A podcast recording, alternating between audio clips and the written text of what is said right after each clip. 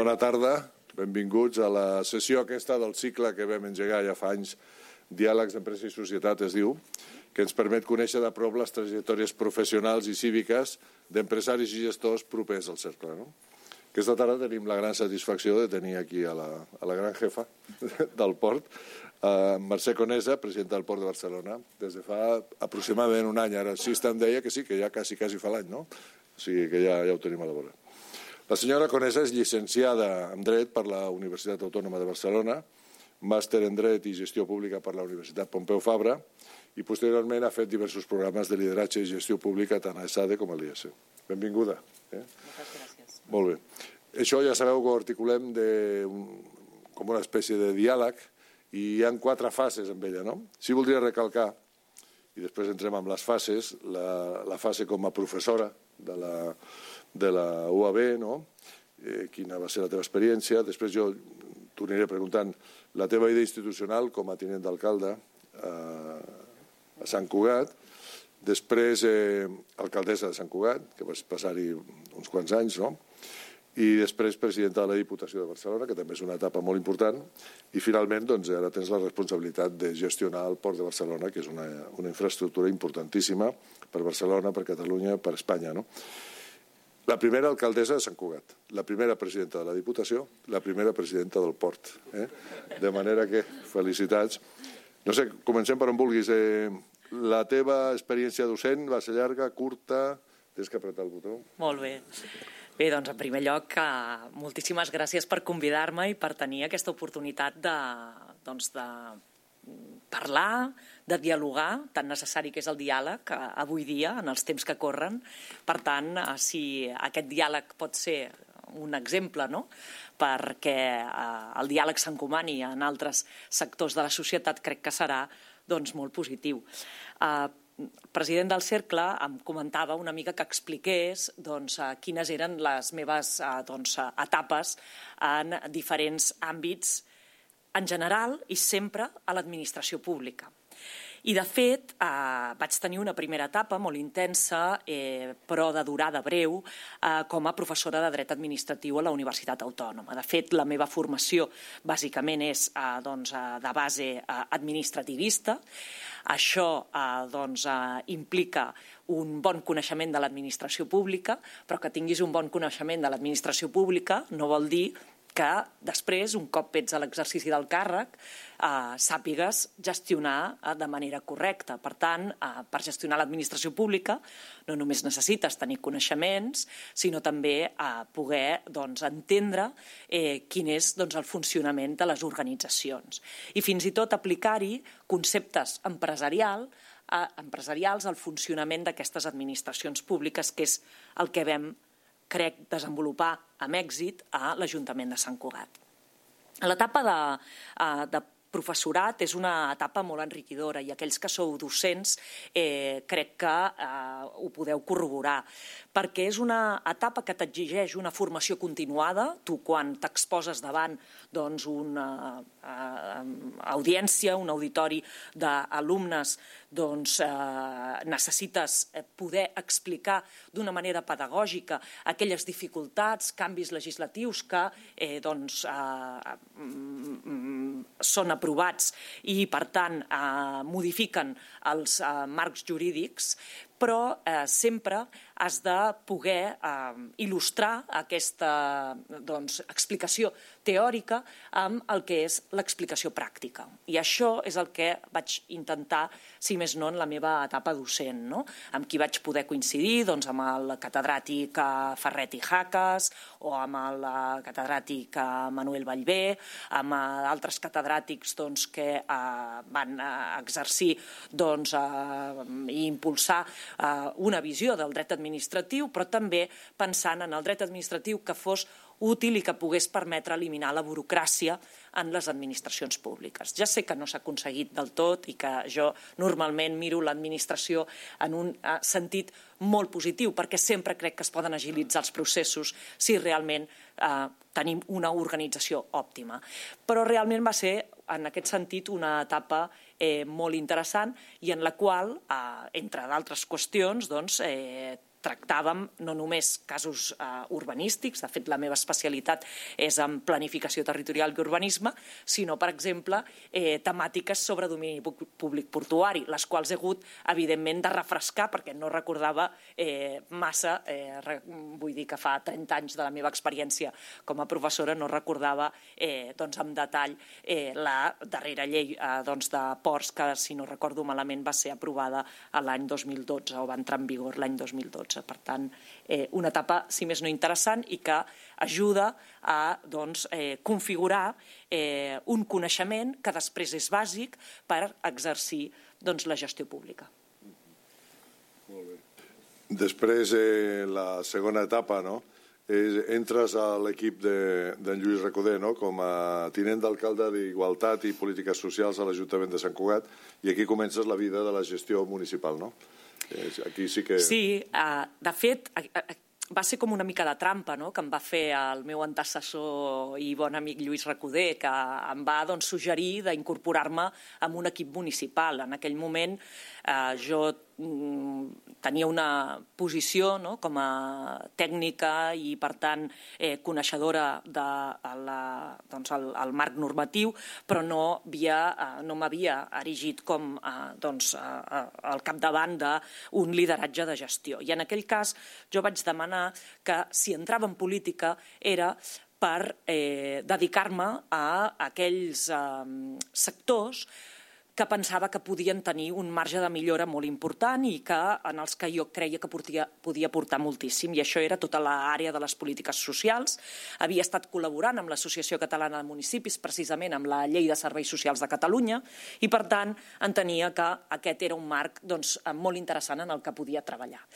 I, evidentment, doncs, l'alcalde em va dir que fantàstic, però al cap de molts pocs mesos em va afegir, en aquesta primera tinència d'alcaldia, la gestió interna de l'Ajuntament.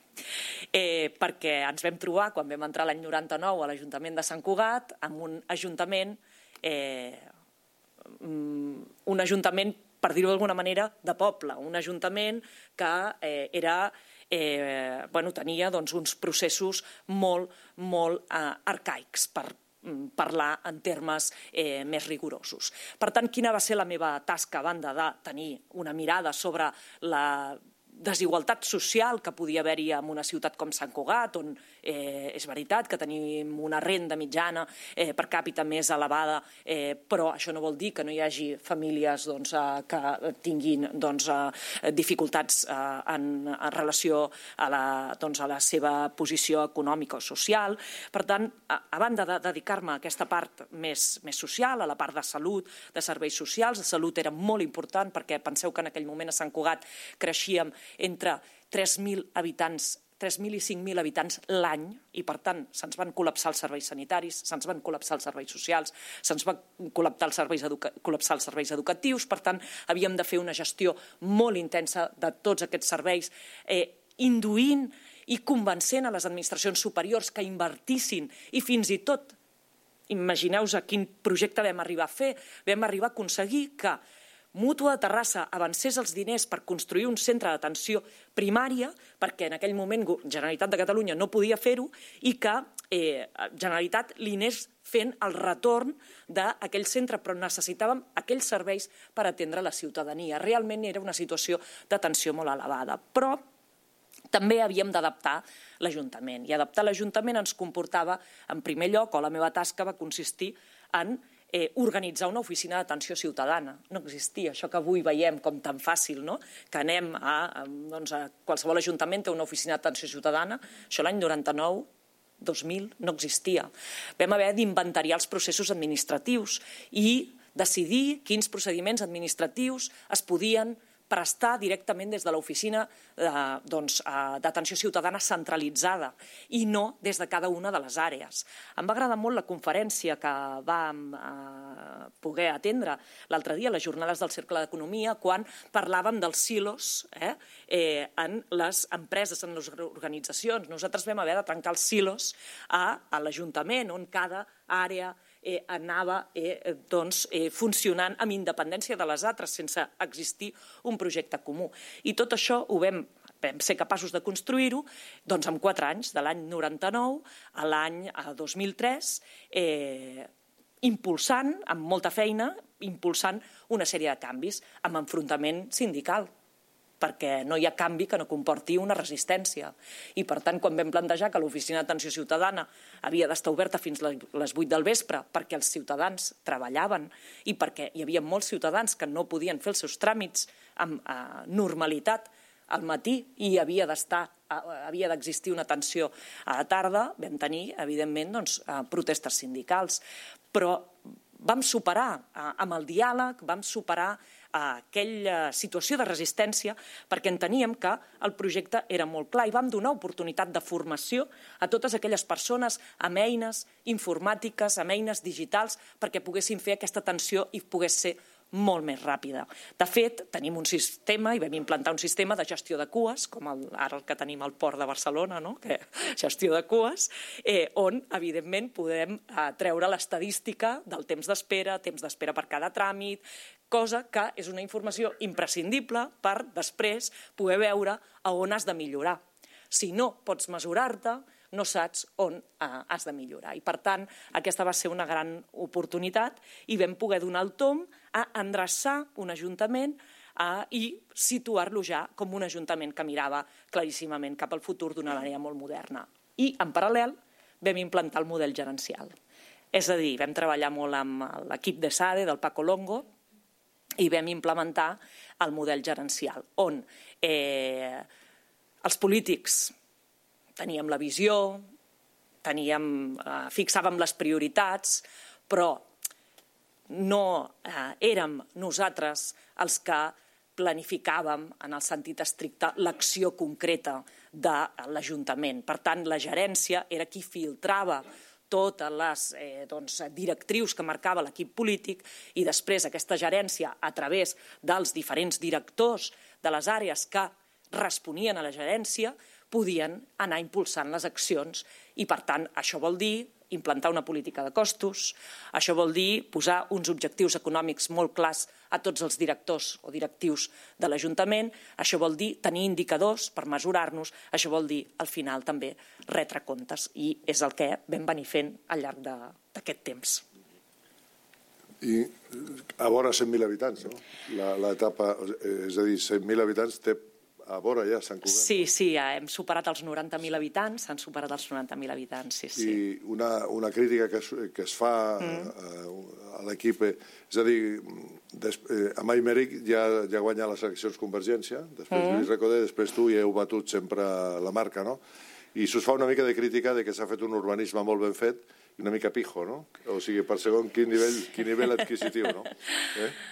A veure, sí, ens, ens diuen això, però jo eh, crec que a Sant Cugat l'estereotip hi és, però jo crec que nosaltres hem de demostrar que eh, hem eh, pensat la ciutat de manera intel·ligent.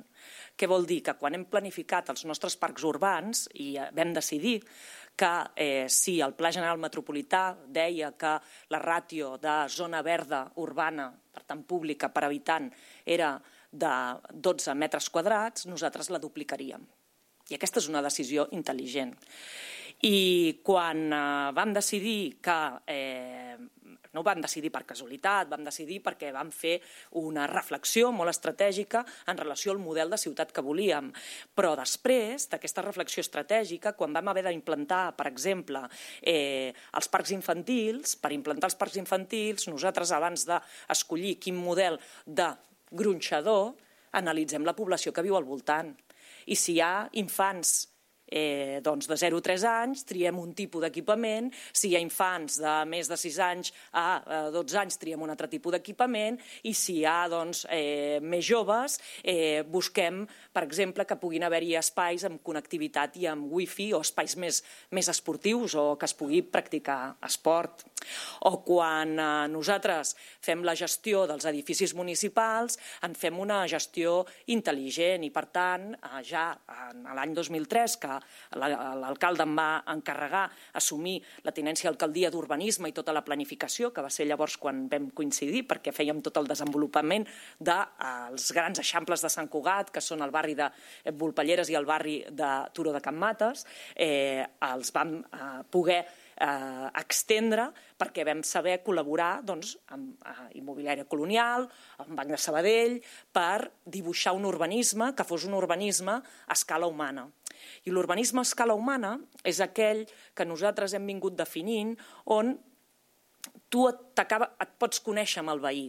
Això vol dir que eh, pots tenir espais de passeig, pots tenir espais de lleure, pots tenir comerç de proximitat, pots tenir equipaments públics, però pots tenir també una qualitat de vida perquè eh, tens densitat, però eh, no tens massificació. I això per nosaltres era molt important, perquè sí que teníem un repte quan vam treballar aquests dos grans eixamples, que era densificar una mica més la nostra ciutat. Per què? Perquè Sant Cugat és una ciutat molt extensa, eh, nosaltres intentàvem mirar sempre des de Uh, no? teníem les diferents escales, no? sempre treballàvem no? amb el plànol habitual, escala 1 5000, però quan et vols mirar la ciutat les, has de començar a elevar l'escala.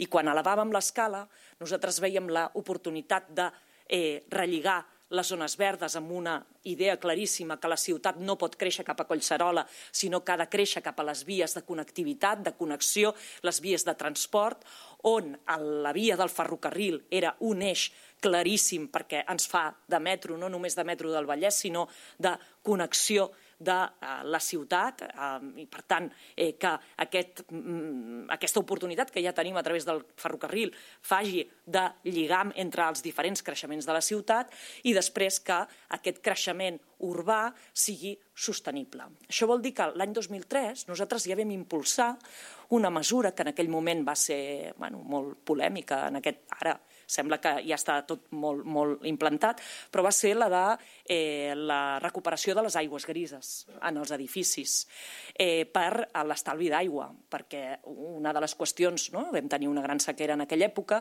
i una de les qüestions que ens va preocupar eren aquests tipus de mesures, o per exemple la recuperació de les aigües pluvials, o eh, l'obligació de quan un veí es fa una casa eh, i ha de tallar eh, arbres perquè hi ha un solar i i és un solar eh, urbà i per tant té dret a construir, doncs ha de replantar i reparar els arbres que eh, doncs, ha tret per una altra sèrie d'arbres que ha de replantar.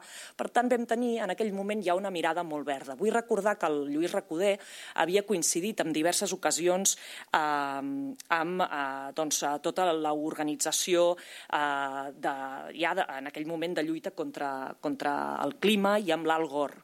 I eh, estàvem ja molt condicionats per aquelles idees de eh, intentem eh, trobar eh, un model de creixement que densifiqui però que alhora ens permeti qualitat de vida. Clar, quines conseqüències ens aporta després? Perquè potser no ho veiem. Doncs mireu, quan ja estava a la Diputació vaig tenir l'oportunitat de col·laborar amb l'Institut Cartogràfic. Jo havia estat consellera del Consell d'Administració de l'Institut Cartogràfic i la, la ciència que desenvolupen i el coneixement és interessantíssim a nivell de planificació territorial.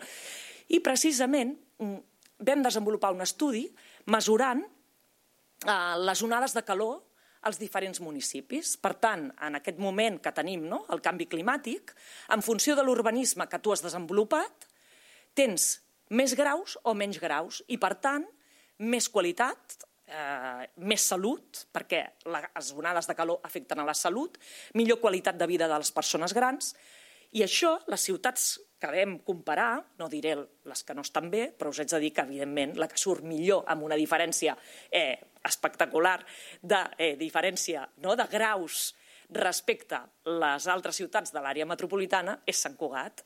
Per tant, estem més preparats per abordar les onades de calor, la lluita contra el clima i eh, també doncs, com atendre la nostra població que eh, pot estar perjudicada per aquestes onades de calor.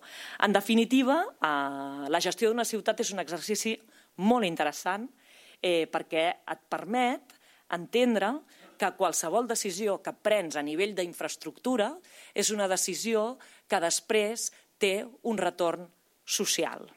I, per tant, quan parlem moltes vegades de la necessitat d'infraestructures i de la eh, poca inversió que s'ha fet en infraestructures o el dèficit d'infraestructures que heu demanat tantes vegades al Cercle d'Economia, realment hem de eh, poder posar sobre la taula que les infraestructures no les demanem per demanar. És que nosaltres sabem que a través de les infraestructures tenim un gran retorn social. A través de les infraestructures posem en valor la nostra economia productiva. A través de les infraestructures donem qualitat de vida als nostres ciutadans. Dèiem al cercle que la, la, iniciativa, la iniciativa pública és fundamental per, per modelar l'urbanisme i a partir de l'urbanisme es desenvolupen les ciutats. No? i posant, posant com a exemple, posant com a exemple si, si l'Ajuntament de Barcelona, i, i és una petita, un petit parèntesi, eh, però si l'Ajuntament de Barcelona no fa el peri d'apertura de la Diagonal fins al mar des de la plaça de Glòries, no tindríem avui el magnífic 22 arroba, que és un, un hub digital del qual tots estem molt orgullosos i des del punt de vista de, de potència de ciutat ens dona, ens dona molt, molt, molt, molt impuls. No? I Sant Cugat és un exemple de creixement. Eh, tenim a 3 quilòmetres Rubí, no? I Rubí, eh, els últims ajuntaments del règim anterior i els primers de la democràcia no van cuidar l'urbanisme. Rubí és un gran aglomerat industrial, té 1.800 indústries, no sé si ho sabeu, és quasi bé impossible anar-hi en transport públic a treballar en una d'aquestes indústries i, i urbanísticament és, és, és una ciutat molt perjudicada. Sant Cugat és un exemple de tot el contrari. No? És, eh, els espais verds, evidentment, això fa que l'habitatge sigui més car, però també hi ha hagut una, una, una incidència de, de l'Ajuntament en l'habitatge social molt important, que, és, que s'ha de, de dir. I, en fi, aquí podríem estar parlant perquè tinc, he tingut la sort de, de tenir ocasió de col·laborar professionalment amb els gestors de l'Ajuntament de Sant Cugat i, i dono fe de que ha sigut molt satisfactori. Cap a una altra banda, tenim, quan parlem de Barcelona, i Diputació, Ajuntament de Sant Cugat, eh, tenim eh, eh, Cercle d'Economia la, la visió de l'àrea metropolitana, de, de la regió metropolitana. I ja al 70 i pico, Joan, al 73 o al 74, el Cercle es va adelantar amb un, amb un llibre que es deia L'àrea metropolitana, gestió caos, i doncs eh, era una mica visionari sobre si gestionàvem bé això. Després hem tingut l'àrea metropolitana, la política no, va no ha favorescut eh, que l'àrea metropolitana sigui, sigui remés que un consorci per discutir unes coses bastant irrellevants i ens sembla que el futur de la regió metropolitana passa perquè la política permeti la institucionalització i l'ampliació a l'espai metropolità. Sembla que la política actual tampoc ho afavoreix massa, no? Però, clar, si fas números, estem parlant de, en la regió metropolitana, no a l'àrea. La regió metropolitana estem parlant del 68% del PIB de Catalunya, que és el 12 o el 13 d'Espanya. O sigui, és una cosa molt important per, per Catalunya, per Espanya i, evidentment, per Barcelona, que la regió metropolitana funcioni. No? Des de, des de l'Ajuntament de Sant Cugat, eh, i després parlarem del port i de, i de la Diputació, Eh, com, es, com es veuen aquestes demandes de que hi hagi una acció més decidida institucional a favor de la regió metropolitana? Sí, eh, nosaltres, ja com a alcaldessa, eh, vaig participar no, en el, el que va ser la definició de la nova llei de l'àrea metropolitana i eh, sí que es dona un, un factor, eh, que és veritat que l'àrea metropolitana tradicionalment ha gestionat eh, diversos serveis que per mi sí que han sigut fonamentals i que ens afecten cada dia, com és el servei de l'aigua, el servei de les escombraries i el servei del transport metropolità. És a dir, eh, ha tingut unes competències claus en unificar que en majoria o en la majoria dels municipis de l'àrea metropolitana eh, puguem tots tenir els mateixos drets i el mateix accés al servei d'aigua, al servei de recollida d'escombraries i al servei de, de transport metropolità no? i transports. Clar, això eh, és important, però és veritat que fins ara l'àrea no havia fet una mirada a un posicionament més econòmic. Eh? És a dir, el valor que eh, doncs, les empreses de tot aquest territori aporten a, doncs, al PIB eh, català eh, com tu bé deies.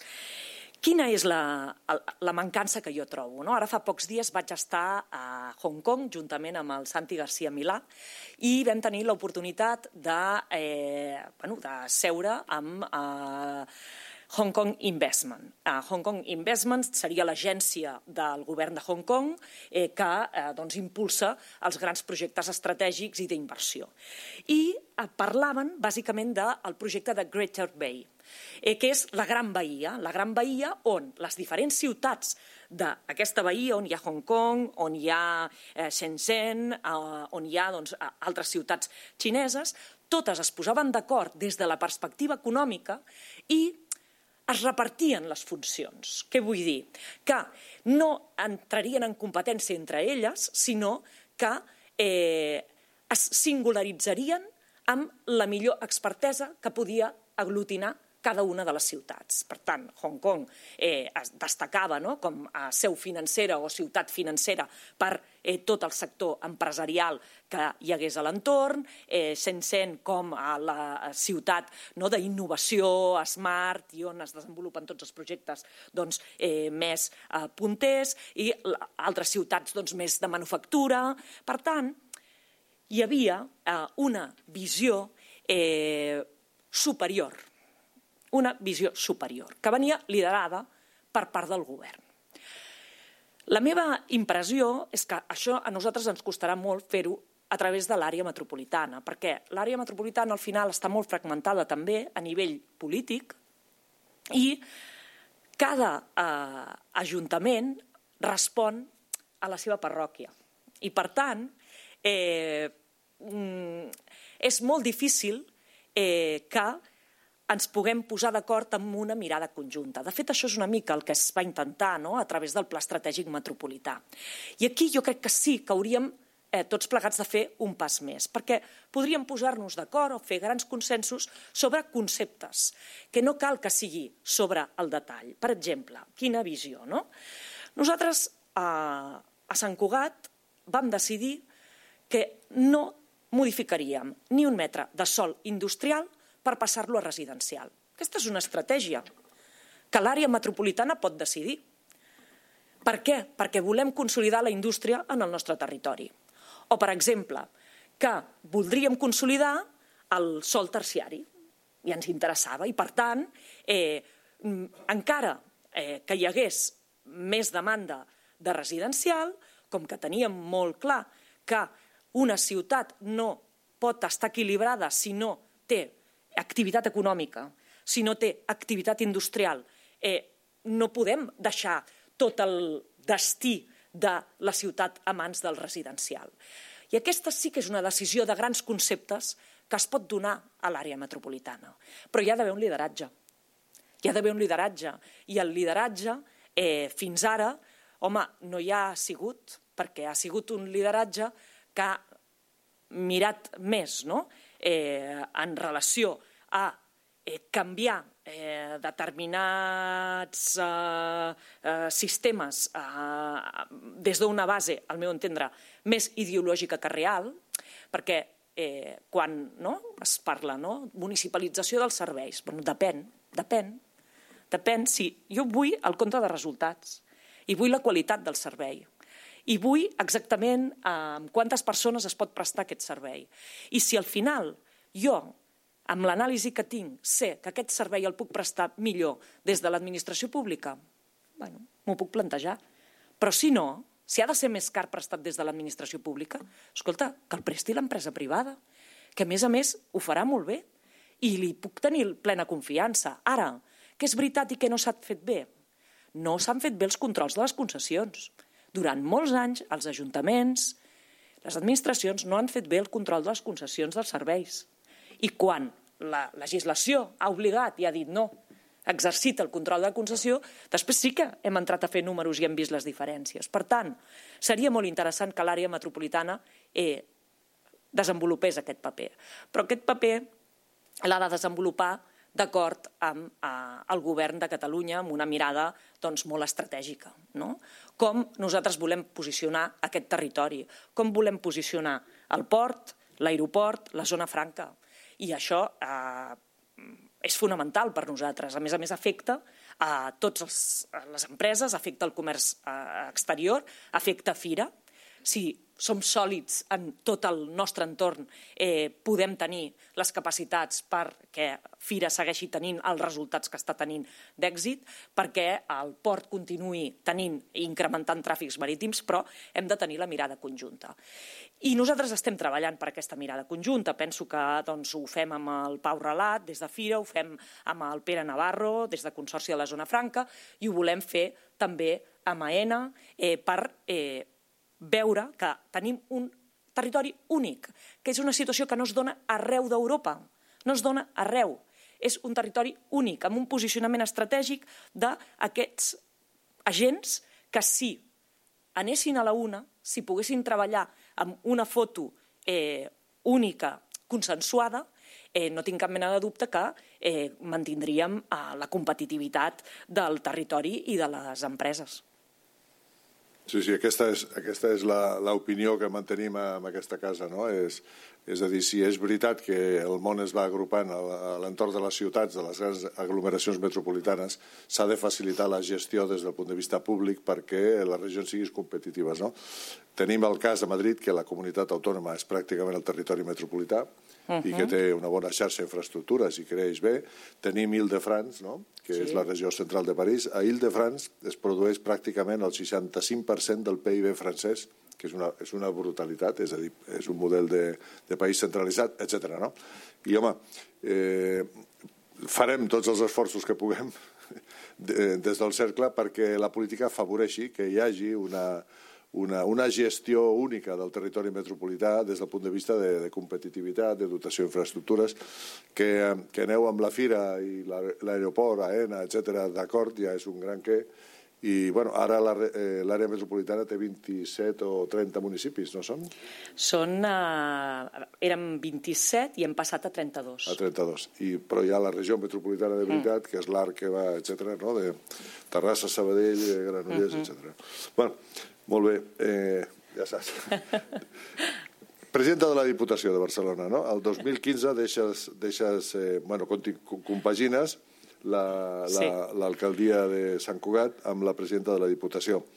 És una institució que gestiona un gran pressupost que potser no acaba de ser visibilitzada pel ciutadà, no? amb tot, tota la seva importància. No? És molt important la Diputació, els, els ajuntaments, però els ciutadans no la coneixem tant. No? Sí, sí. Efectivament, la Diputació és, és una institució importantíssima. Eh, de fet, eh, penseu que el pressupost ordinari de la Diputació de Barcelona és de 900 milions d'euros. Eh, clar, aquest pressupost, diguéssim, ordinari, prové d'una banda de uh, l'aportació dels de, pressupostos de l'Estat. O sigui, la Diputació participa en un tram de l'IRPF, participa en un tram de l'impost de societats, amb IAE, eh, amb unes transferències no?, que li fa a l'Estat i, per tant, la Diputació el que ha vingut fent al llarg dels anys és el manteniment d'uns serveis que eh, són estratègics i m'agradaria posar-vos a quatre pinzellades i després donar una idea del que jo penso que seria una oportunitat. És, molt difícil, eh? el que diré és una mica provocador, però... Eh, eh, en aquest sentit, us diria, clar, la xarxa de biblioteques de tot el territori de la província el manté la Diputació de Barcelona. La xarxa de carreteres, a més de 1.600 quilòmetres eh, lineals de carretera, el manté la Diputació de Barcelona. La xarxa de parcs naturals, més de 13 parcs naturals, el manté la Diputació de Barcelona.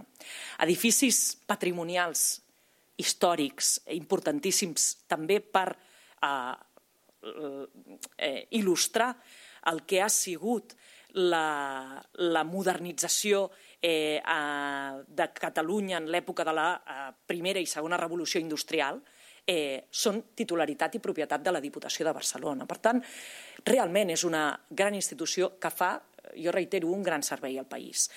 Eh, la Diputació és veritat que ha agafat un paper més secundari. Per què? Perquè al final la Diputació està al servei dels ajuntaments i són aquests, els alcaldes, els que acaben no? eh, bueno, eh, sent presents a la mirada eh, ciutadana.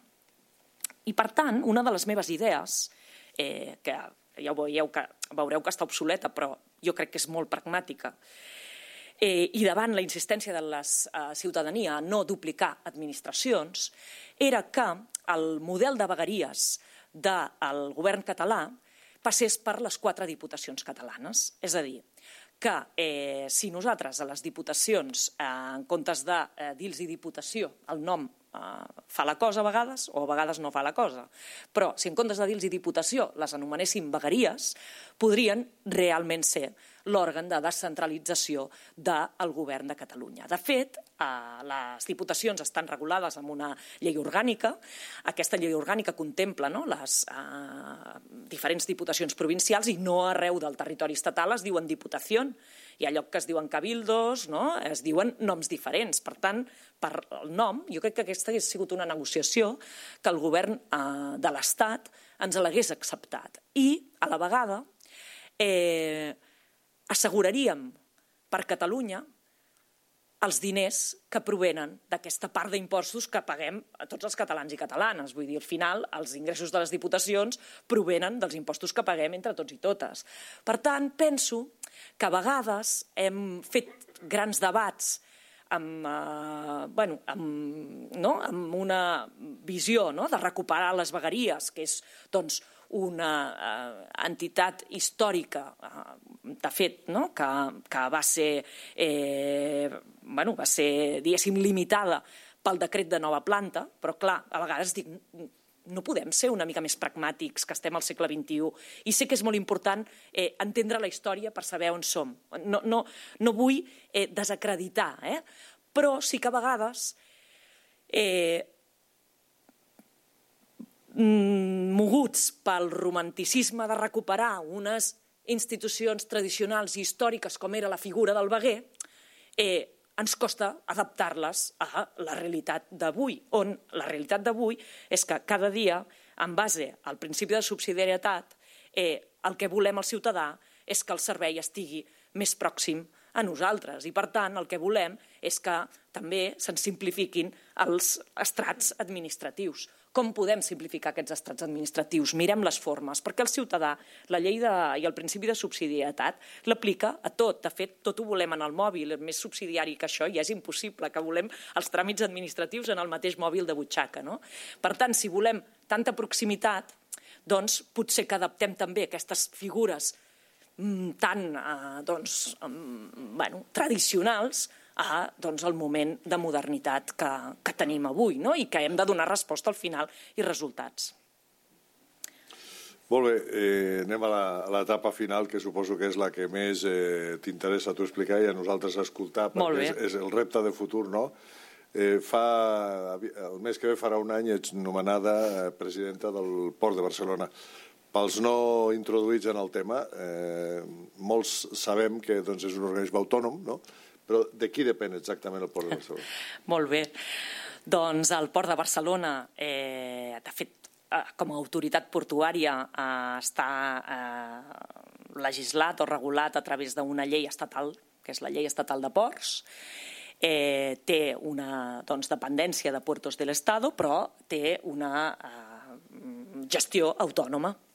Aquesta gestió autònoma eh, ve eh, donada, en primer lloc, per la seva singularitat, i us explicaré una mica de la singularitat de gestió del port, però eh, també ve donada per uns acords polítics que en un moment doncs, es van eh, poder aconseguir. De fet, eh, no, el Sixto ho, ho sabrà millor que jo, eh, però els pactes del Majestic van possibilitar que eh, davant la negativa del de, eh, traspàs dels ports eh, per part del govern de l'estat espanyol, eh, es va considerar que eh, sí que es permetria i, per tant, el, que la competència del nomenament de la presidència del port correspondria a la Generalitat de Catalunya i, per tant, als governs autonòmics.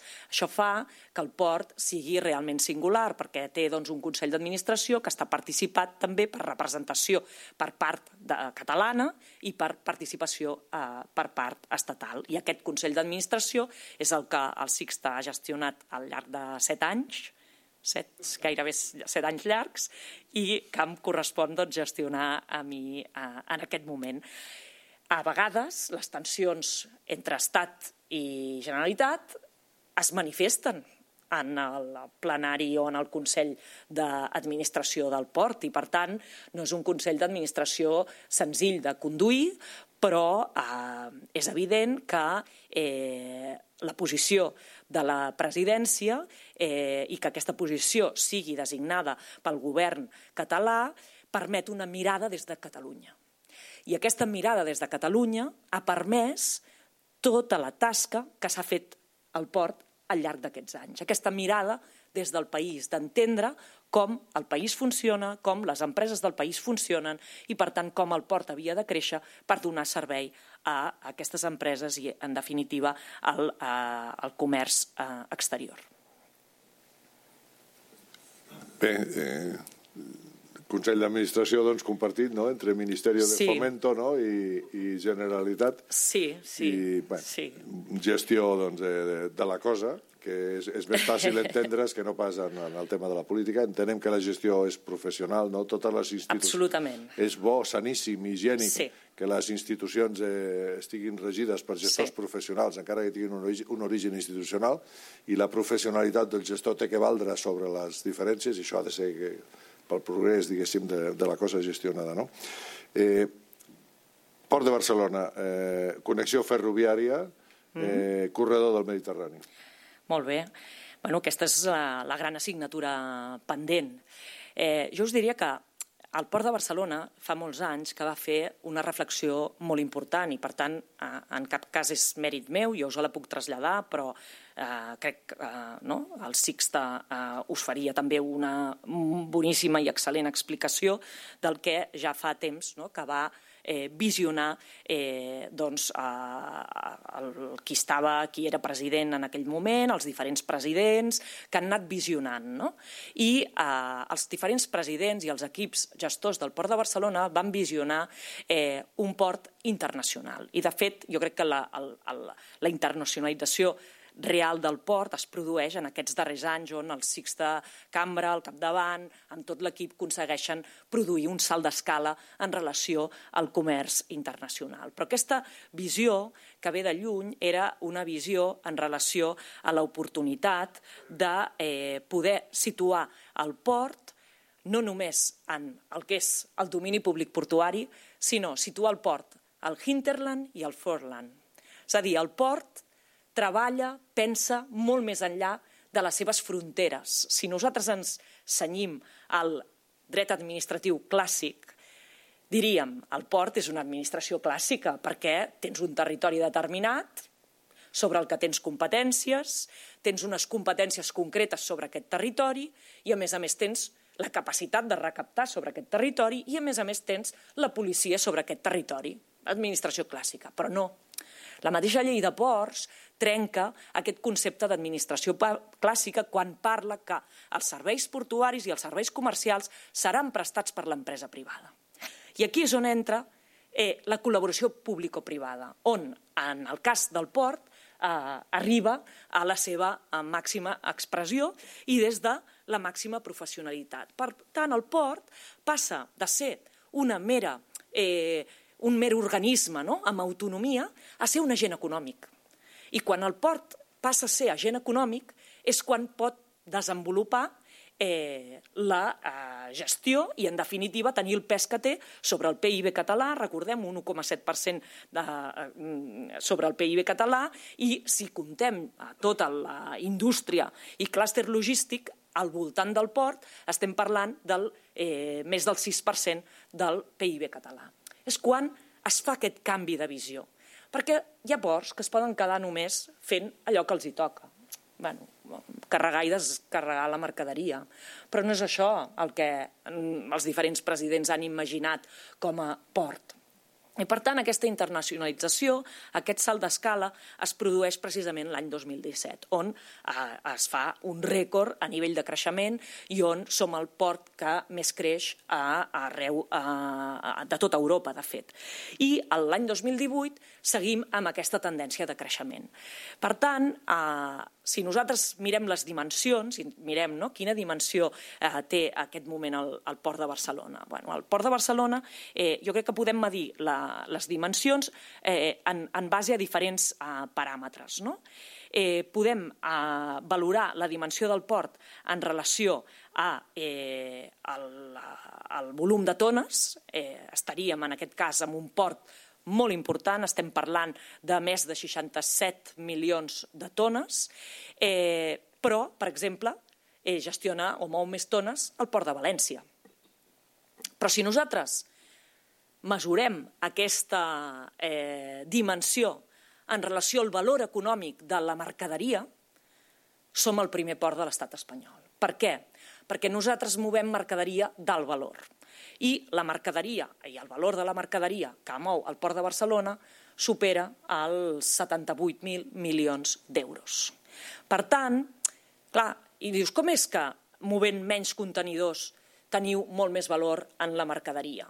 Per la indústria eh, de l'entorn, per eh, les oportunitats de la cadena logística, perquè hem pogut eh, oferir eh, una sèrie d'oportunitats de reducció dels dies de trànsit o d'encaix del preu eh, i, per tant, què ens demanen els nostres eh, clients? Els clients ens demanen preu, ens demanen el temps, el temps els influeix claríssimament, ens demanen, eh, en definitiva, qualitat del servei. I, per tant, si agafem aquests tres paràmetres de competitivitat, nosaltres podem competir bé en preu, podríem millorar, podem ajustar.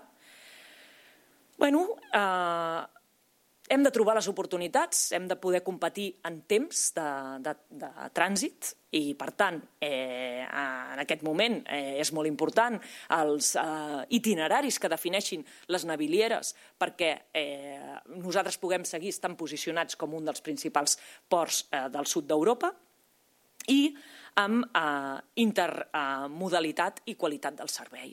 I aquí som en aquest moment més competitius que d'altres ports. Si nosaltres, per tant, eh, eh, veiem eh, la dimensió econòmica, som el primer port de l'Estat i, per tant, eh, és un port que ha fet molt bé la seva feina. Però per què? Com deia, ha treballat en l'Interland, ha treballat en el Foreland. En l'Interland, amb més de sis terminals marítimes, eh? terminals eh, de Saragossa, terminal de Zuqueca, eh, terminal de Coslada, eh, amb, eh, Perpinyà, Perpinyà al sud de França també tenim una terminal, amb la eh, terminal de l'Empordà. Per tant, eh, amb Noaïn, eh, què ha fet el port?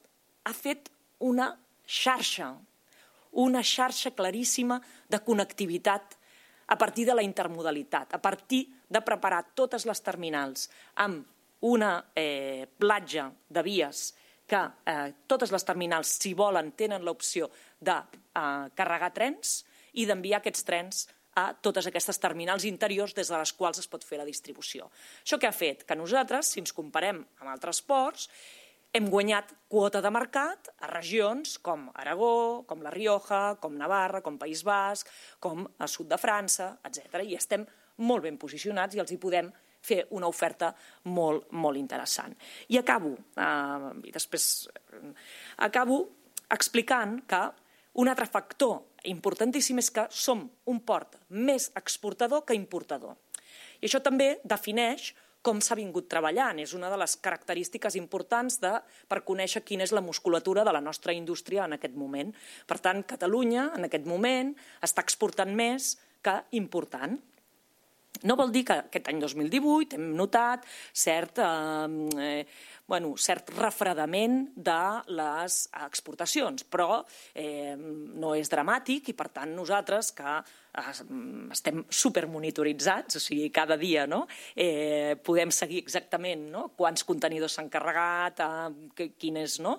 tota l'anàlisi de totes les dades, bueno, veiem que tenim un creixement més moderat aquest any eh, 2019 respecte del 18, respecte al 17, però serà doncs, un creixement eh, molt interessant i, per tant, eh, això eh, ho relacionem directament amb la bona musculatura i la bona feina d'internacionalització que han fet les empreses, que han estat capaces de col·locar el seu producte a fora. Quan parlem d'exportació, per tant, eh, si em pregunteu a on exportem, us diria que exportem eh, de manera important a Àsia, exportem de manera molt, molt, molt important a Àsia i exportem eh, també a Xina. Avui estàvem amb la convenció o conferència internacionals del free, uh, dels Free, Free, uh, free, uh, free Worders eh, i um, bueno, eh, estàvem precisament amb l'associació xinesa, perquè realment fem una exportació a Xina eh, molt, molt important. I amb importació, evidentment, eh, jo crec que el 70% del que importem ve d'Àsia. Per tant, al final, on està mirant? El, si em pregunteu cap on mira el port, el port mira cap a Àsia i ha de mirar cap a Àsia, perquè Àsia eh, està creixent, perquè creixerà demogràficament, perquè creixerà en, eh, en, eh, doncs en, en progrés eh, econòmic i capacitat dels mm, ciutadans de eh, poder eh, doncs, eh, invertir, de poder comerciar, de poder comprar i, per tant, eh, és una oportunitat de futur. De les importacions, eh, de les exportacions, eh, el 43% de les exportacions que fem se'n van cap a Àsia, un 10% d'elles a Xina, Eh, eh, tenim una quota d'exportació molt important també al Japó i, de fet, aquest any fem la missió comercial al Japó i de les importacions el 70% provenen d'Àsia. I el corredor aquí ajuda més? A València, a Tarragona, a Barcelona? No, no, no ens ho mirem així. O sigui, el, el corredor eh, ajuda a connectar a tothom. El corredor ajuda a connectar a tothom. Llavors, és evident que nosaltres venim eh, parlant de que el corredor no és només eh, Jazires a Europa. El corredor també és els ramals que connecten amb els ports, perquè si no connectem els ports no té cap sentit el corredor. Per tant, què reclamem? Escolti, eh, va parlant del corredor, de connectar aquests trams que falten, però és que hi ha un tram importantíssim que falta, que és el tram eh, del port de Barcelona. I, per tant, aquesta és la, la nostra reclamació, que ha estat insistida per tots els presidents. Eh, nosaltres, en aquest moment, com a Port de Barcelona, estem en disposició de finançar una part importantíssima d'aquesta inversió. I el que ens agradaria és ja desencallar el procés de el, el que és l'estudi informatiu de la solució tècnica per eh, poder disposar d'aquesta infraestructura el més aviat possible. Això no vol dir que no estiguem connectats. Eh? El port de Barcelona és l'únic port en aquest moment de l'estat espanyol que està connectat amb ample internacional cap a Europa. Els altres no ho estan. Però els accessos ens permetrien una agilitat i una, eh, bueno, molts més, eh, moltes més finestres o surcos, no? que es diuen els ferroviaris, per treure trens o per fer entrar trens, que ens incrementaria moltíssim la competitivitat. I, per tant, per nosaltres és tema clau, tema clau eh, que cal resoldre sí o sí amb el govern eh, espanyol actual. No tinc més remei que fer-te la pregunta. Sembla que amb el Ministeri de Fomento de l'Àvalos les coses eh, són més favorables no? al corredor i a les reivindicacions. Ja sé que... Sí, sí ho són, però anem parlant molt, però no concretem res. I això, clar, eh, allò que dèiem, no? hem de ser pràctics. Llavors, clar, eh, què veig jo? Veig que la setmana passada es va publicar en el BOE la línia 750 de València, eh, la de Sagunto, eh, la que eh, eh, ja coneixem, eh, i la nostra, que fa anys que estem demanant la línia 750 per poder encabir trens més llargs de 750 metres i, per tant, poder eh, gestionar més mercaderia. Bueno, clar, quan li dic això a la presidenta de DIF, sí, sí, sí, em, em diuen que sí, eh? És que, és que sí, jo vull confiar que sí, però clar, hi haurà un, un dia que hauré de posar com el calendari de dir, bueno, ara m'han dit que sí tantes vegades que ara potser ja mm, no és sèrio. Per tant, si realment, que no ho sé en aquest moment, de fet demà ve el president de Puertos del Estado, si realment el nou govern de l'Estat té una agenda per Catalunya d'inversions, la primera inversió que ha de desencallar és aquesta. I això ho hem de veure en els propers mesos. Molt bé, doncs, eh, perfecte, moltes gràcies. No sé si vols dir alguna cosa més o passem ja al torn de preguntes. Preguntes, preguntes. Doncs vinga, qui s'anima? Aquí tenim la primera pregunta. Un moment que agafi el micròfon. Servidor, soc Josep de Marfà, soc apotecari i economista. Eh, com que, a, a part... I, I jueu. I com que... A part... No ho has dit avui. Sempre I... et presentes com a apotecari, no? I... Sí, i, i com que a part també sóc francès... Ah, molt bé. Mira, veus? Aquesta no l'ha dit el nostre president. I com que sóc francès, corregiré el nostre president que ha dit una bestiesa monumental, que Ile-de-France té el 65% del PIB francès. Per favor. Ile-de-France té el 29,4%, que és moltíssim. És molt, sí. Que és moltíssim. Ile-de-France, no París, París molt menys, eh? Ile-de-France és tota la regió. Però com es pot dir el 65%? És el 29%. Un lapsus, un lapsus. Bueno, però és molt greu. I com que el personal, el personal és molt il·lustrat i té un nivell molt alt, servidor com a farmacèutic, com a economista, com a jueu i sobretot en aquest cas com a francès, vull que se'n vagin cap a casa amb, amb dades correctes. Eh? Eh, Lió, Lió passa del 15, la regió de Lió, eh? passa del 15. I, i bueno, hi ha diverses que passen del 10. Eh? Marsella-Provença passa del 10, Bordeus passa del 10, i ara també passa del 10 Occitania perquè li han afegit la Catalunya Nord que abans era un trosset independent i ja sabeu que hi ha hagut protestes a Perpinyà perquè li han afegit. Eh? És a dir, el centralisme francès és molt, molt exagerat, però amb el 65%, per favor, no és veritat, eh? aneu a casa amb dades reals. Eh? Eh, clar, com que també sóc masó, com que, com que, no, és que primer s'han de concretar les coses. Com que, com que també sóc masó, m'agrada mmm, que perquè ens entenguem les preguntes siguin correctes. I el senyor president li ha preguntat a qui beneficia més el corredor mediterrani?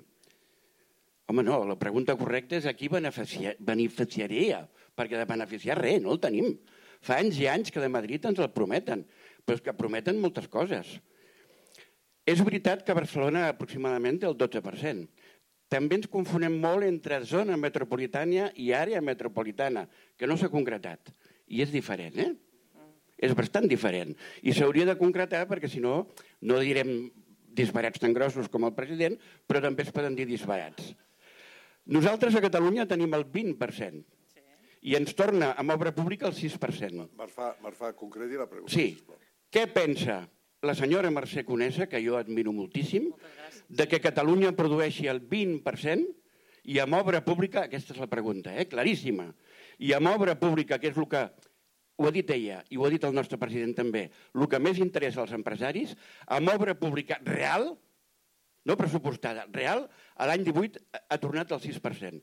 Aquesta és la pregunta del senyor Marfà. eh, Doncs penso que no hi ha una interpretació correcta eh, de eh, les dades econòmiques eh, i, per tant, aquesta interpretació tan incorrecta de eh, les regions que més eh, generen eh, riquesa econòmica a un estat com l'espanyol haurien d'anar acompanyades de les inversions corresponents. Aquesta és una equació que està clarament desequilibrada.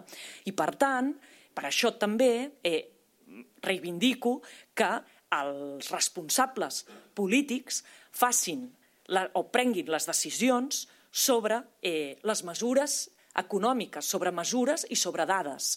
Per què? Ideològicament podem tenir unes idees. Eh, romànticament podem, no sé, pensar que el nostre poble és el millor del món. Però quan nosaltres tenim a sobre la taula les dades econòmiques dels diferents territoris i volem eh, que aquests territoris continuïn produint perquè és on hi ha el talent, és on hi ha les indústries, és on hi ha eh, el coneixement, és on hi ha eh, les possibilitats de eh, sol logístic. Si volem que això es mantingui, hem de fer les inversions corresponents, perquè si no és desídia i és irresponsabilitat. Irresponsabilitat claríssima en la gestió. Per tant, quan un estat eh, decideix, que és legítim, prioritzar els trens de passatgers, que està molt bé, és una decisió legítima, però, en canvi, no eh, prioritza les mercaderies, segurament qui decideix no ha mirat, vull pensar que no ha mirat, quin pes té el comerç eh, internacional, el eh, comerç eh, de mercaderies, en el PIB de l'Estat. I quin pes tenen els passatgers en el, eh, per tant, el tràfic de passatgers en eh, el pes eh, econòmic. Perquè si això s'ha vist i s'ha decidit per caprici, és, per tant, una gran irresponsabilitat de gestió. I una, eh, doncs, indecència política. Ara demanar la paraula el senyor Rafart i després el senyor eh, Granell. Bé, um, jo em voldria referir que a una part del port del que no has parlat gens ni mica, que és la part del port que era l'antic port econòmic, que és el Port Vell. Clar, el Port Vell eh, forma part, és una part de la ciutat de Barcelona i té una importància per a la ciutadania, diguem-li, per connectar el barcelonès amb el, en el mar. Les relacions del port amb la ciutat, el Port Vell m'estic referint, no estan exentes de tensions, sobretot els que viuen més properament allà. Per un altre costat, diguem, el Port Vell s'està desenvolupant una important activitats d'altres àmbits, àmbit econòmic, per exemple, indústria de manteniment de, de, de iats, i de, de, etc. Indústries culturals, desenvolupament de projectes educatius, com per exemple de la Facultat de Nàutiques, que, eh, per tant, hi ha eh, el, el futur aquell, el museu aquell de... Exacte. Per tant, vol dir que hi ha una sèrie d'activitats, però vull dir que les tensions continuen sent fortes. Aquella barrera de vidre que hi ha, que hi ha, que físicament ens va posar un moment, penso que té, i, i a davant plena de Mantessen actualment, penso que té una importància quasi psicològica qualitativa, que representa quasi una barrera d'una certa ciutadania per acostar-se al port. Ja sé que realment el, el port no és, un par, no és un parc temàtic perquè la gent pugui passejar en tenir vaixell, però és una cosa psicològica realment que representa aquesta espècie de, de divorci o de... O de entre... A veure, m'agradaria saber quins mecanismes hi ha de coordinació, què, què es podria fer per millorar això, com veus el futur. Bueno, jo crec que és una reflexió molt interessant i, a més a més, molt important per, per la ciutat de Barcelona. Eh, efectivament, aquella àrea és una àrea a la que anomenem Port Ciutat, on es fa en el seu moment una transformació urbanística important i on eh, hi ha uns usos que eh, han de ser compatibles amb l'ús ciutadà. Per tant, eh, diguéssim, eh, s'aparten els eh, usos clàssics eh, del servei portuari i es situen una sèrie d'usos alternatius però complementaris. Efectivament, allà hi tenim una, doncs, una indústria importantíssima que és Marina Barcelona 92, eh, que eh, doncs, fa el manteniment dels grans iots, i tenim una marina especialitzada també en iots doncs, de, de gran eslora, i tenim el Barcelona Tech City, que és, doncs, eh, està situat a l'edifici eh, de, mm, de Palau de Mar, on abans hi havia hagut la conselleria, alguna conselleria de la Generalitat, eh, on allà eh, hi ha una sèrie doncs, de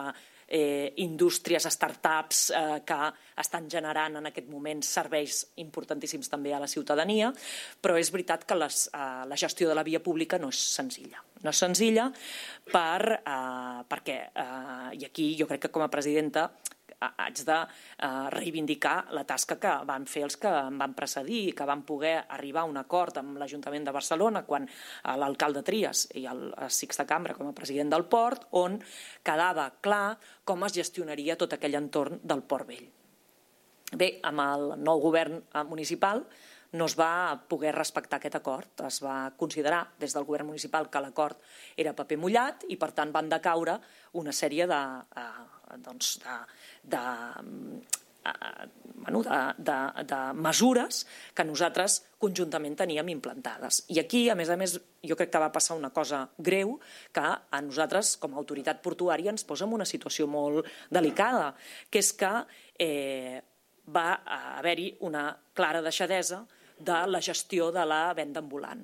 I, per tant, eh, un cop deixes enquistar el problema, ara el problema és tan gran, comencem a tenir episodis eh, que són molt difícils de gestionar i tenim cada vegada menys efectius. Menys efectius, en primer lloc, perquè la policia portuària eh, és limitada en relació als seus efectius, però a més a més és una policia administrativa, per tant, eh, no és una policia que pugui operar com a eh, agent de seguretat, per dir-ho d'alguna manera, i d'ordre públic, i aquestes tasques que desenvolupava Guàrdia Urbana i Mossos d'Esquadra doncs, no s'han desenvolupat com des del port eh, voldríem. Aquí eh, estem intentant a tenir diversos sistemes de coordinació. Un primer sistema de coordinació és que l'Ajuntament de Barcelona participa en la societat eh, i gerència urbanística de Port Vell i, per tant, és present en les diferents decisions que es prenen en tota l'àrea de Port Vell. Però què passa? Que tenim conceptes molt diferents. Tenim un, un concepte de l'espai, dels usos, radicalment diferents. I us posaré doncs, exemples. No? Eh, com utilitzem l'espai públic? Eh, nosaltres, eh, des del port, pensem que hi ha d'haver un ús ciutadà, que, però que aquest ús ha de ser un ús de passeig, no té per què ser un ús intensiu ciutadà, eh, intensiu en funció de si s'organitza un esdeveniment, etc. L'Ajuntament voldria un ús ciutadà molt més intensiu, però, per exemple, ubicant barbacoes. Això ens ha passat, això el, el Sixten és, és conscient. Clar, nosaltres no volem aquest model de eh, un càmping eh, eh, situat no? eh, en un espai que entenem que és privilegiat. I per tant el que volem és desenvolupar un pla estratègic per Port Vell. I nosaltres en aquest moment el que oferirem en el nou alcalde, alcaldessa de la ciutat, és desenvolupar un pla estratègic pel Port Vell.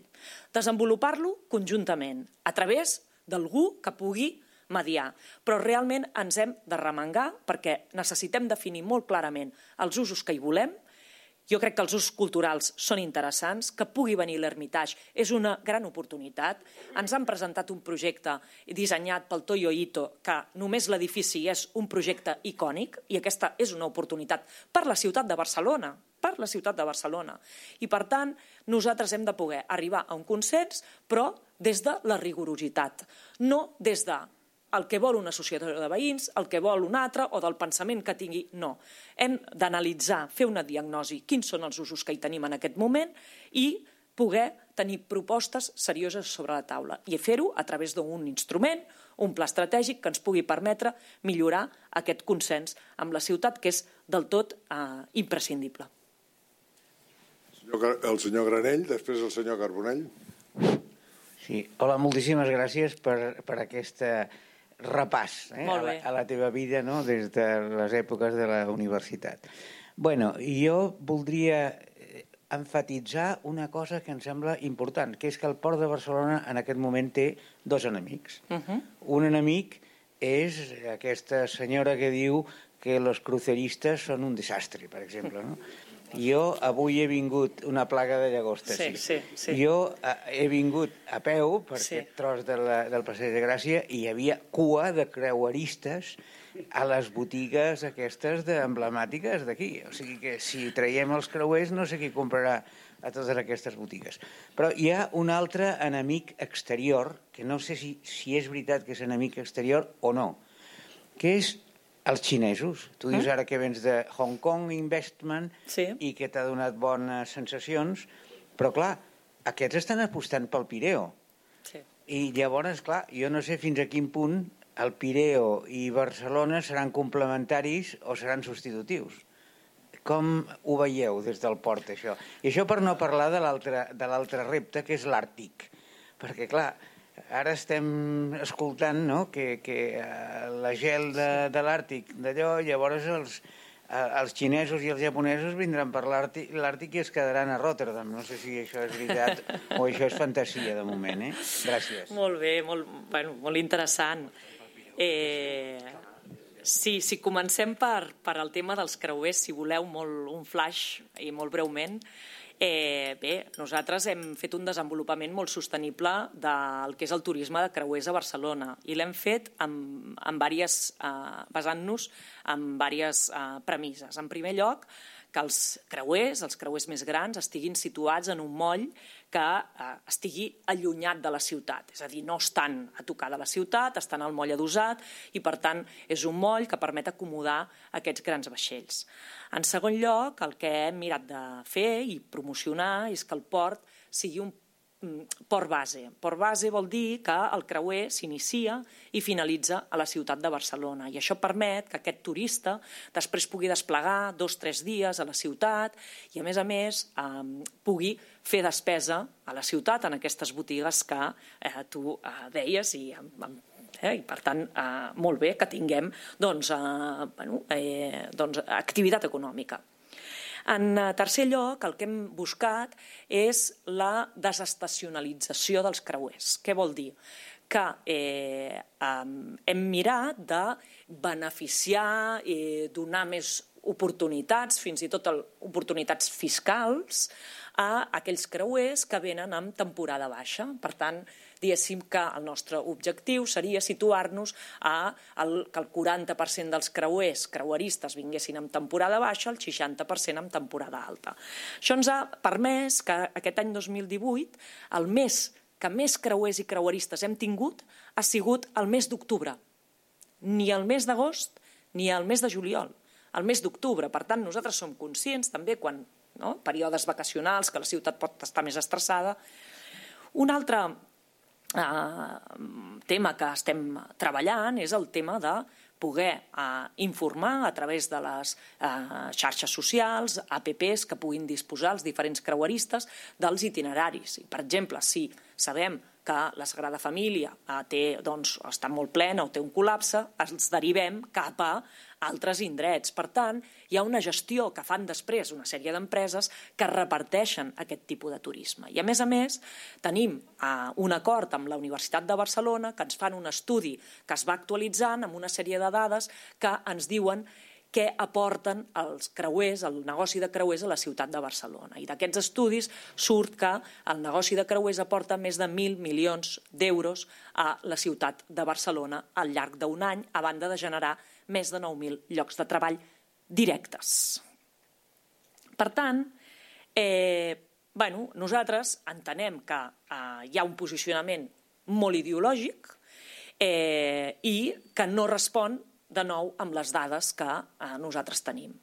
També nosaltres serem molt curosos amb el desplegament que fem a futur, perquè al final Barcelona té la capacitat que té i tenim molt clar que farem un creixement sostenible i per tant quan hem anat aquest any a la Fira de Creuers de Miami i ens hem entrevistat amb els eh, doncs, presidents de les grans companyies com Royal Caribbean o com eh, Carnival, ja hem parlat d'aquest fenomen i d'aquesta situació amb ells i ells també són molt conscients de la situació. Per tant, eh, penso que eh, aquest tema de les xifres i del nombre de creueristes, el nombre de, de turistes que venen, si nosaltres comparem no, quants milions de visitants té la ciutat de Barcelona en un any, estem parlant de, no sé, més de 30, 30 milions de, de visitants. Eh? Doncs eh, són 3 milions de creueristes. Per tant, situem-ho amb la deguda mesura. Si eh, parlem de la contaminació, que això és una altra de les etiquetes, no? els creuers contaminen, bueno, eh, aquí nosaltres hem de saber que estem gestionant una indústria i una, per tant, una indústria que és contaminant, però que està en el camí de descarbonitzar-se i, per tant, de no contaminar. I la no contaminació no la farem d'un dia per l'altre, la farem amb un pla i a uns anys vista. I jo crec que a cinc anys vista hi haurà una reconversió total per diversos motius. En primer lloc, perquè les navilieres ja estan utilitzant un tipus de vaixells que utilitzen eh, energies eh, més netes. En segon lloc, perquè el 2020 entra la normativa de la IMMO, de l'Organització Marítima Internacional, que ja estableix que han d'utilitzar un tipus de fuels baixos en sofre. En tercer lloc, perquè s'està treballant per disposar d'una ECA, que és una zona de baixes emissions o de baixes emissions de NOx i de sofre, eh, al Mediterrani. Per tant, al llarg d'aquests anys veurem canvis radicals. Clar, fixeu-vos que ens fixem molt amb els creuers, però no ens fixem amb els ferris. El ferri és un servei regular, diari, més proper, ubicat més proper a la ciutat i que té emissions igual. I amb aquests no diem res però aquests els hem de treballar i potser els primers. És a dir, hem de fer una estratègia de treballar primer els molls més propers a la ciutat, mirant que eh, puguin ser uns molls electrificats, eh, que, per exemple, en el cas dels ferris, aquest any els ferris de Grimaldi ja venen amb bateries i quan s'estan al port són a ferris zero emissions. Per tant, això ja és una realitat. Eh, Baleària ja aposta pel gas natural liquat. L'altre dia vam rebre el primer creuer també amb gas natural liquat. I el que ha fet el Port de Barcelona és fer a Europa a, a l'àrea del Mediterrani la primera operació de búnkering de gas natural liquat, amb tota la seguretat que això comporta. Poder fer això sense que cap, cap tràfic marítim es vegi afectat i que ningú sàpiga que estàs carregant aquell vaixell no amb el fuel tradicional, sinó amb gas natural liquat. Això és molt important. Per tant, en els propers anys, això canviarà radicalment, perquè amb dimensions, eh? I, i estem actualitzant l'estudi de... El port té més de 13 estacions meteorològiques on també eh, tenim el control no, de diferents eh, tipus d'emissions, etc. I si nosaltres mirem eh, les externalitats negatives, és a dir, les immissions, que serien el NOx, les partícules, no? les que afecten a la salut de les persones, si calculem el 100% d'aquestes eh, immissions que afecten la salut de les persones a la ciutat de Barcelona, el port seria responsable entre un 7 i un 10%, no més, no més. No més, i ara tindrem dades encara més acurades. Però aquest 7 i 10% el anirem reduint al llarg d'aquests anys, perquè això canviarà de manera radical. I després em preguntaves els xinesos. Els xinesos estan comprant, sí, Pireo, s'estan interessant per alguns ports italians, eh, però eh, els, eh, nosaltres considerem que els tràfics eh, marítims eh, es desdoblen entre el Mediterrani eh, oriental i Mediterrani occidental. I, per tant, mm, entenem eh, que eh, bueno, que el desenvolupament que puguin fer eh, eh, no té per què impactar de manera directa al port de Barcelona. Eh?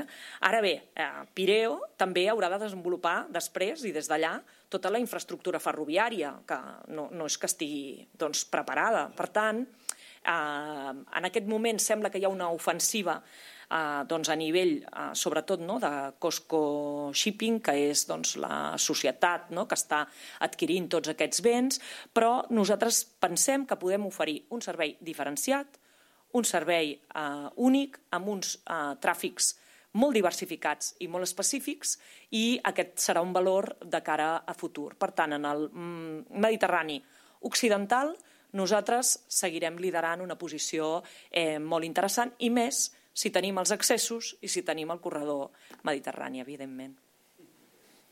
Han comprat pari, també. Es diu, però no, no tenim, no ho tenim concretat. El senyor, el senyor Carbonell. No, el senyor Carbonell. L'Eloi. Hola, Mercè, bona tarda. Uh, abans ressaltaves que Barcelona és un cas bastant bastant únic en el sentit de que té port i aeroport connectat per una grandíssima zona logística. Uh, I que, efectivament, això ben gestionat és un avantatge competitiva molt potent per la Gran Barcelona. I això anava a lo del ben gestionat perquè, clar, tot aquest espai, eh, simplificant-ho, bàsicament es divideix entre Port, eh, Zona Franca, Cilsa i AENA, que sou organismes diferents, amb objectius diferents, no? amb planificacions i projectes diferents. I concretament, per exemple, AENA, empresa cotitzada i amb els seus objectius, ara va presentar el seu pla urbanístic, no? Mm. on l'espai que és finit per definició doncs eh, lícitament intenta buscar-li el màxim rendiment possible. No? Però, però clar, eh, si, si situem en tot aquest espai activitats que ocupen, que a part del sol, que a nivell de planificació territorial, diguem les podríem posar en altres parts del país, eh, bueno, doncs ens, ens, ens estem menjant a l'espai finit avantatge competitiva. Com, com, com ho veus i com es podria gestionar tot això? Sí, aquest, bueno, jo crec que és, és un tema que tenim a sobre la taula. O sigui, nosaltres eh, gestionem eh, la Zalport eh, i eh, acabem de tancar dues operacions molt importants que no, van estar iniciades ja en l'època del president Cambra. Eh, aquestes operacions eh, comporten la construcció de eh, importantíssims magatzems logístics de, logístics d'empreses que a través de Barcelona faran la distribució eh, de, la, doncs, de la càrrega que ve d'Àsia cap a tota Europa i aquesta és la finalitat, en definitiva, de l'àrea logística de l'entorn portuari, que es puguin establir a l'entorn portuari una sèrie de eh, doncs, empreses eh, que eh, tinguin eh, tràfic marítim i aquest és el, el principal objectiu. Però és veritat que eh, aquest eh, sol eh, està doncs, acabant, no? la disponibilitat d'aquest sol doncs és, és finita i en aquest moment s'obre una oportunitat que és la planificació i, per tant, activació de tots el, els, els solars que disposa AENA. Per tant, sí que nosaltres, com a empresa pública, eh, amb els nostres socis, eh, que sabeu que són Merlin Properties, eh, ens plantegem eh, com podem optar eh, a poder gestionar part d'aquest sol logístic, que per nosaltres és fonamental. I eh, és bueno, un dels temes eh, de la nostra agenda que ens ocupa eh, doncs, eh, una part important del temps, principalment també eh, per poder tenir una mirada conjunta amb Consorci de la Zona Franca. O sigui, perquè pensem que és una oportunitat que Zona Franca i Port puguem mirar conjuntament aquest nou espai logístic que s'obre i que seria una oportunitat. No? I per tant, estem, estem atents. Però també estem atents a altres àrees logístiques que pensem que al final també s'hauran d'activar, eh? com pot ser el Logis Penedès o, o d'altres. Eh? Per tant, però és evident que la zona premium, per dir-ho d'alguna manera, que és la zona al voltant de, del port, és una zona que en aquest moment pot tenir una oportunitat molt interessant a través de la programació del, del sol d'AENA. Molt bé. Si no hi ha més preguntes, eh, Mercè, t'agraïm moltíssim la teva assistència aquí al Cercle d'Economia. Moltes gràcies. Gràcies.